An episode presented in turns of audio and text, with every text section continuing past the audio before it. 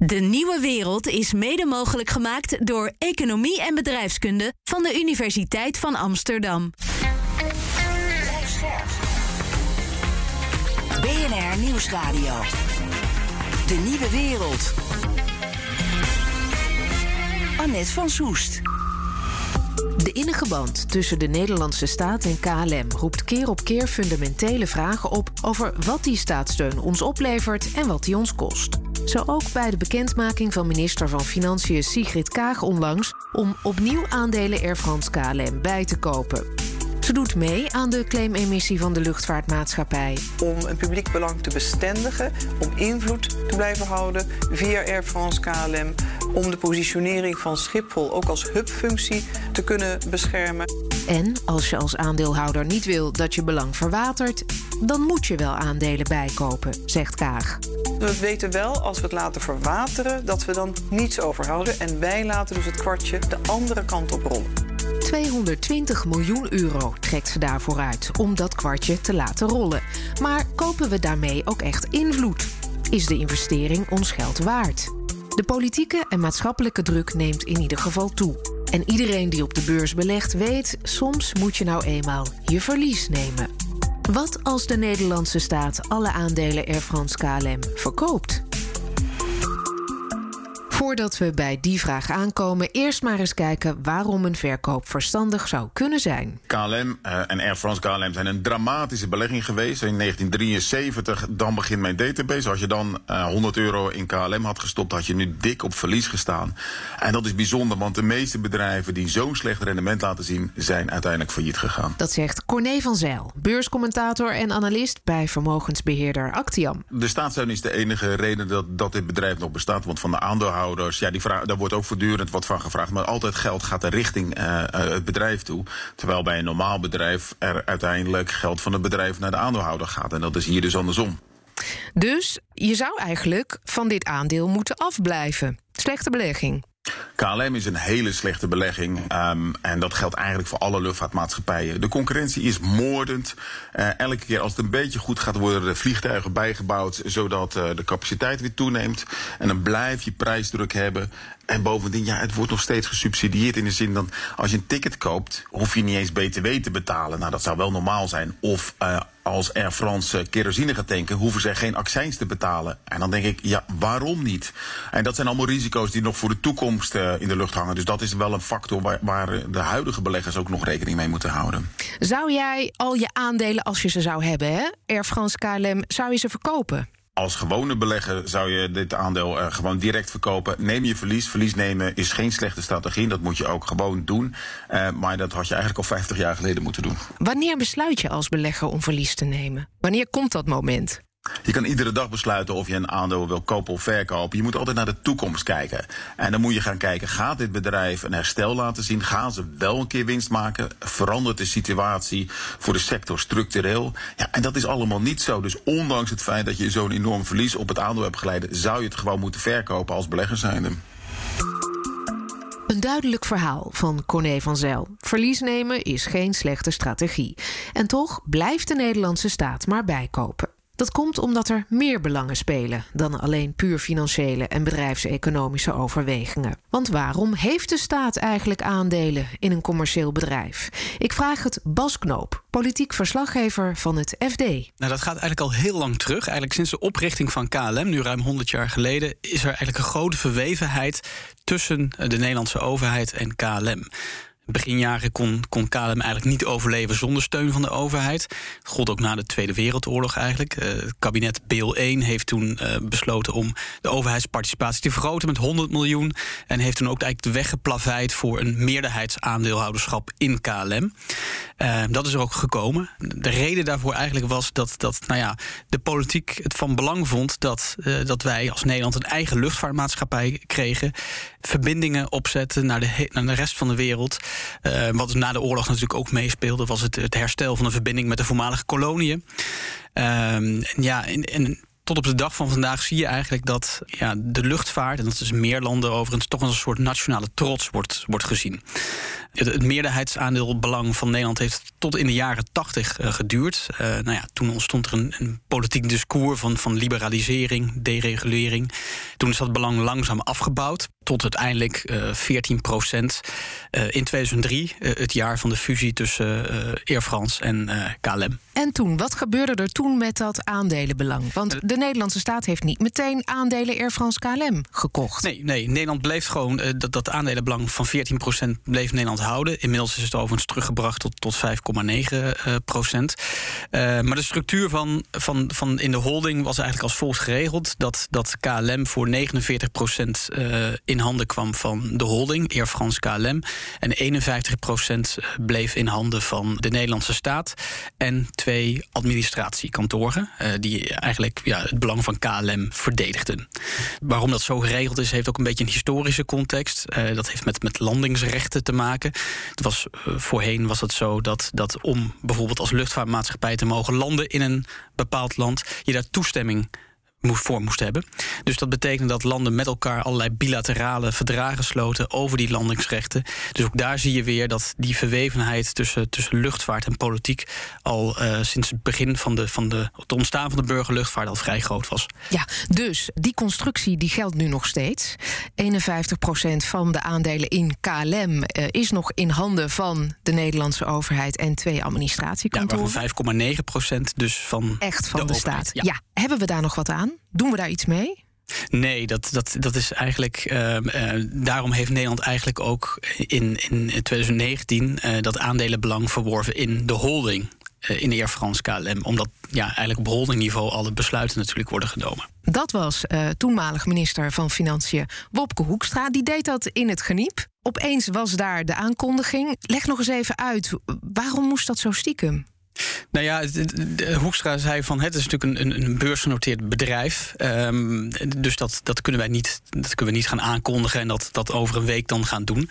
Daar Want dat drijft de koers omhoog. Ja, daar heeft natuurlijk een punt. Alleen um, in de Tweede Kamer was er vrij veel vrevel dat Hoekstra ook de Kamer niet vertrouwelijk had ingelicht. He, dus hij deed het echt in het geheim. Het werd s'avonds, geloof ik rond tien over acht of zo, stond hij daar in één keer op een, in een perszaal op het ministerie van Financiën. om die aandelen aankopen wereldkundig uh, te maken. En, en de reden dat hij dat deed was eigenlijk, uh, nou ja, de, de jaren daarvoor was die relatie tussen KLM en Air France was ja, toch, toch vrij moeizaam. Nederland klaagde erover dat, dat het niet op de hoogte werd gehouden van de beslissingen die in Parijs werden, uh, werden genomen. Ging het bijvoorbeeld over uh, de participatie van uh, twee andere maatschappijen in Air France KLM, China Eastern en Delta Airlines, waar Nederland niet van tevoren op de hoogte van was gebracht. Dus met deze zet wilde hij eigenlijk een signaal geven aan de Fransen van let op, wij zijn er ook nog en wij willen ook invloed hebben in deze maatschappij. Goed, we springen even vooruit in de tijd naar het heden. Minister Kaag zit nu uh, op financiën. Had ervoor kunnen kiezen om geen aandelen bij te kopen dit keer bij deze claimemissie. Waarom doet ze het wel? Nou ja, Nederland heeft in 2021 uh, was er ook een claimemissie. Uh, toen heeft de Franse staat wel aandelen bijgekocht, waardoor dat het belang van, van Frankrijk inmiddels 28,7 procent is. En het Nederlandse belang verwaterde van 14,3 naar 9,8. 9,3, sorry. Um, als Nederland nu weer um, niet meedoet, niet, niet zou meedoen, zou dat belang ongeveer verwateren naar 2 procent. Nou ja, voor Kaag zou dan de invloed van Nederland binnen die holding te klein worden. Um, dan is natuurlijk de vraag wat is dan de invloed als we. Hè, we hebben nu besloten om mee te doen. Wat is dan de invloed die we krijgen als we uh, wel dat, dat aandelenbelang behouden? Dat is een hele lastige vraag. Erkende Kaag ook deze week in de Tweede Kamer. Ze zei van uh, ja, dat is eigenlijk een zwakte in, in ons betoog, de Achilleshiel. Hè. Wij, wij kunnen niet kwantificeren wat nou onze invloed is. Um, en als je ook kijkt naar, um, naar de periode tussen dat, dat Hoekstra die aandelen kocht en, en het heden dan zijn concrete successen um, nou ja, eigenlijk uitgebleven. Hoekstra begon op die persconferentie, zei, ook, zei hij ook van... we gaan een werkgroep oprichten met de Frans... om de governance van, van de holding te veranderen. Om, uh, zodat wij ook meer zeggenschap krijgen.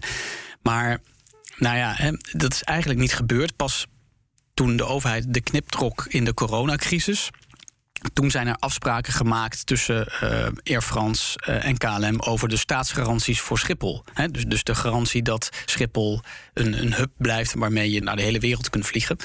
Uh, die, die, die opzegtermijn voor die staatsgaranties verlengd van, van negen maanden naar vijf jaar. Dus met die invloed die wij hebben gekocht destijds in 2019, ja, ik wilde zeggen dat valt mee, maar dat valt dus tegen. Nou ja, je zag ook, dat werd ook gerefereerd door veel Kamerleden in het debat. Nederland was fel tegen de bonus die topman Ben Smit uh, kreeg vanwege de hele coronacrisis. Dat vond ze ongepast. Maar hij krijgt hem wel. Hij krijgt hem wel. Nederland werd, uh, had, heeft onvoldoende stemrecht met dit aandelenbelang uh, om dat tegen te kunnen houden. En dan gaat het toch meer om, om niet om macht, maar om invloed. En dat is natuurlijk heel moeilijk meetbaar, zoals Kaag ook erkende. Eh, dan gaat het om de informatiepositie. Eh, Nederland heeft nu eh, ook, ook iemand in de board of directors zitten van, van Air France KLM, die, die het kabinet ook op de hoogte houdt van wat daar zich afspeelt. dus Nederland wordt eerder op de hoogte gesteld van, van beslissingen. Maar dat betekent niet dat beslissingen die daar worden genomen ook daadwerkelijk tegen kunnen worden gehouden. Duidelijk. Er was brede steun in de Eerste en eh, de Tweede Kamer voor eh, deze aandelenaankoop. Hoe ligt een mogelijke verkoop? politiek gezien. En dan heb ik het dus over een eh, verkoop van alle aandelen Air France KLM. Nou ja, daar is, daar is dus geen steun voor. Uh, uh, ja, daar kan ik heel kort over zijn eigenlijk. Uh, er was wel een, de SP kwam wel met een ander idee van, ehm, dat hebben ze al vaker geroepen, nationaliseer KLM nu. Haal KLM uit die holding, zodat wij daar als staat ja, veel over te zeggen krijgen. Dat het gewoon een staatsbedrijf wordt. Maar dan heb je een bedrijf waar je veel over te zeggen hebt, maar wat veel te klein is waarschijnlijk om te overleven in deze ja. mondiale luchtvaartindustrie. Ja, je ziet enorme consolidatie in, in ook helemaal na de coronacrisis in, in de luchtvaartsector. Dus dat KLM op eigen benen zou kunnen staan, ja, wordt als onrealistisch uh, geacht. En dat zou betekenen dat, dat er eigenlijk nog veel meer belastinggeld naar die luchtvaartmaatschappij uh, moet gaan. Het feit is wel dat er uh, sinds 2019 ook steeds meer geld naar KLM toe gaat. Uh, dat we daar de uh, positieve effecten nog niet van zien. Dat de aandelenkoers alleen maar is gedaald.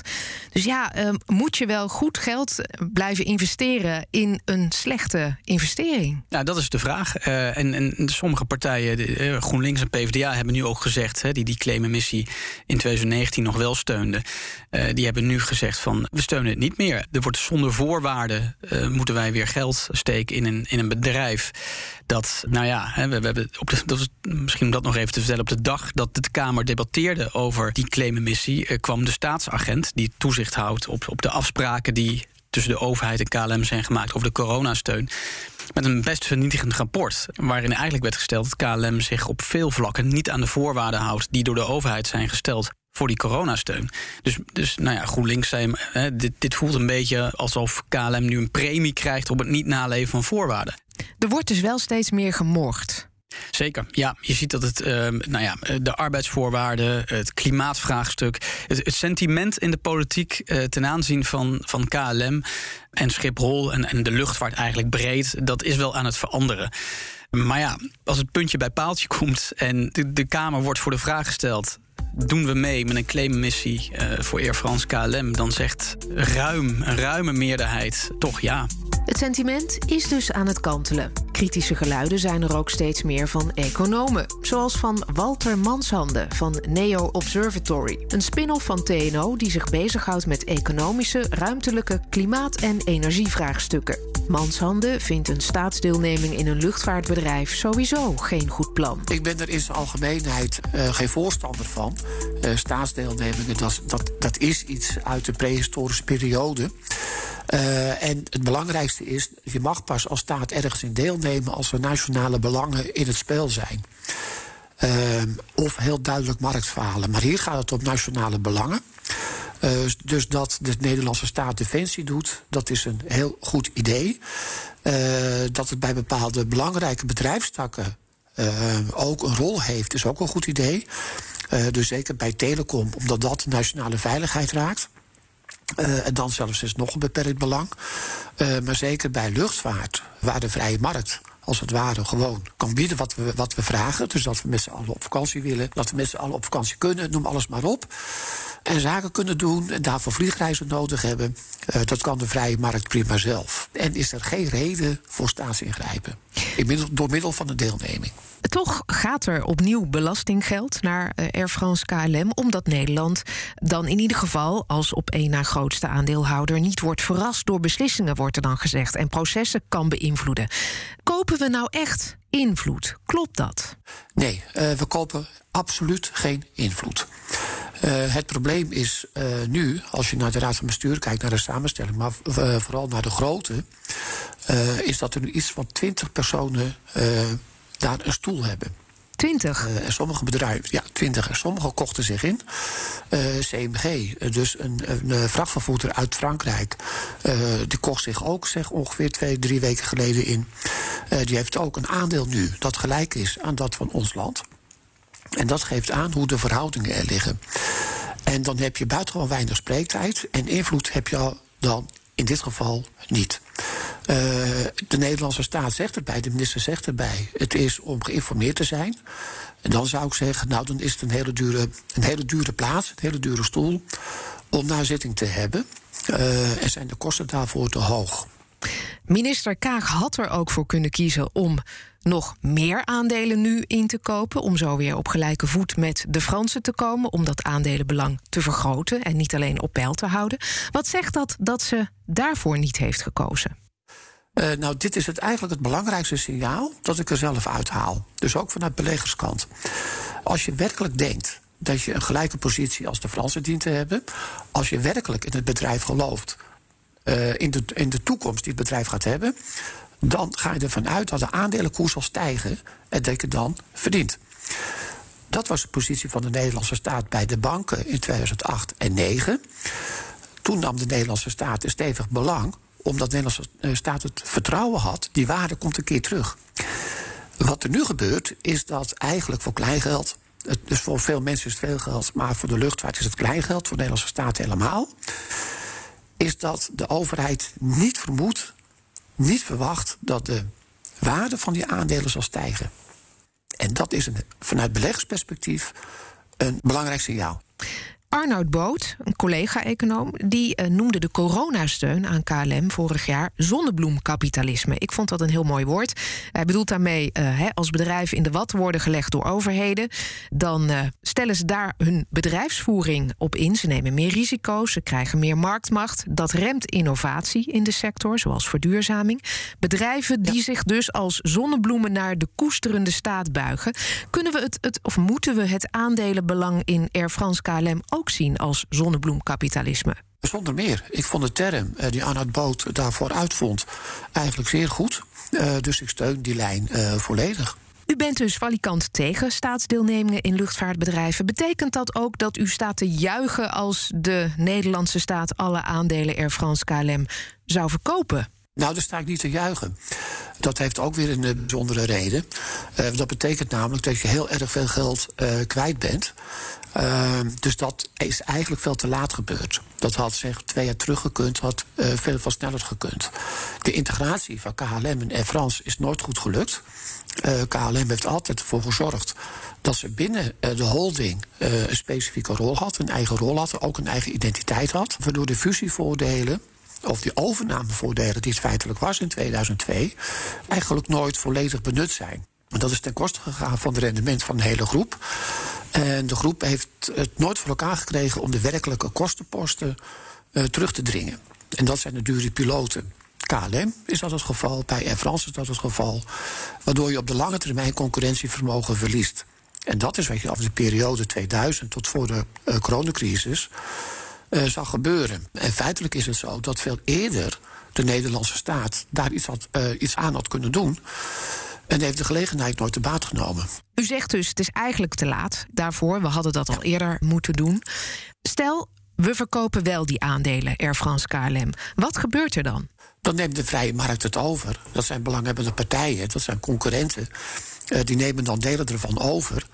Uh, en dan moet je maar hopen wat er dan in Amsterdam uh, blijft.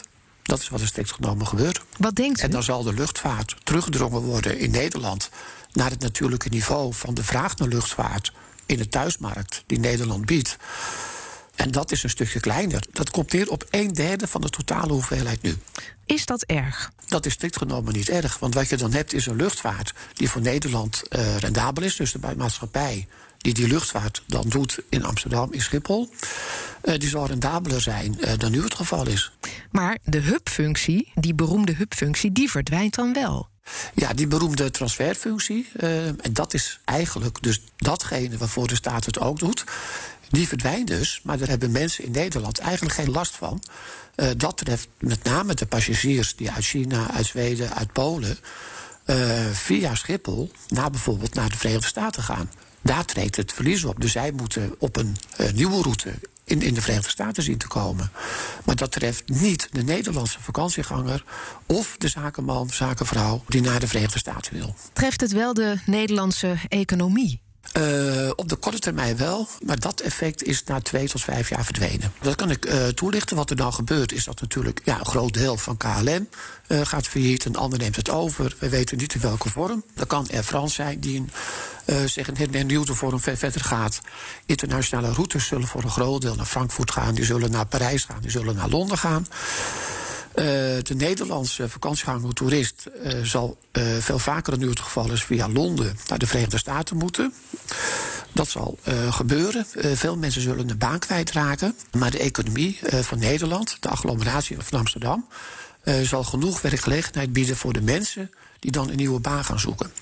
En zeker in de huidige periode is dat relatief gunstig, omdat structureel de arbeidsmarkt veel krapper is dan zeg 20, 35 jaar geleden. Daarom zeg ik vanuit mijn vakgebied, juist nu is de kans om zoals te laten gebeuren. KLM is toch onze nationale trots. Er zit al zoveel belastinggeld in. U zei net, ja, het is eigenlijk al te laat om eruit te stappen. Het is dus moeilijk voor te stellen dat de staat echt zijn handen op een gegeven moment zou aftrekken van KLM. Gaat het er ooit echt van komen? Ik denk dat er ooit van gaat komen. Kijk, het lijkt natuurlijk veel, veel geld. Uh, dus de laatste keer 220 miljoen. Uh, daarvoor ging er ook 750 miljoen in. Nou, die 750 miljoen, die aandelen inkoop van zeg twee, drie jaar geleden... die zijn we ook kwijt voor een groot deel. Maar op de hele staatshuishouding is het eigenlijk kleingeld. Uh, waar het om gaat, wat je met dat geld, wat je daarmee ook had kunnen doen. En dan vanuit de staat bezien, vanuit de taken die de overheid werkelijk heeft, dan zou ik zeggen, als je dat geld dan hebt, dat speel je dan vrij. Defensie bijvoorbeeld is ook belangrijk. En als u aan mij de vraag stelt, wat is nou belangrijker? Uh, defensie voor Nederland of de transferfunctie uh, voor passagiers uit, uit China, uit Zweden, dan kies ik voluit voor defensie. Dat kun je eigenlijk gewetenloos doen. Ik zou er niet bij stilstaan, ik zou dat meteen doen. Dit was De Nieuwe Wereld voor deze week. Vond je dit nou een interessante aflevering? Luister dan ook eens naar het Beleggerspanel. Elke dinsdag live om 1 uur of wanneer je maar wil in je podcast-app. Daar vind je ons ook. Wil je niks missen? Abonneer je dan. De Nieuwe Wereld is mede mogelijk gemaakt door Economie en Bedrijfskunde van de Universiteit van Amsterdam.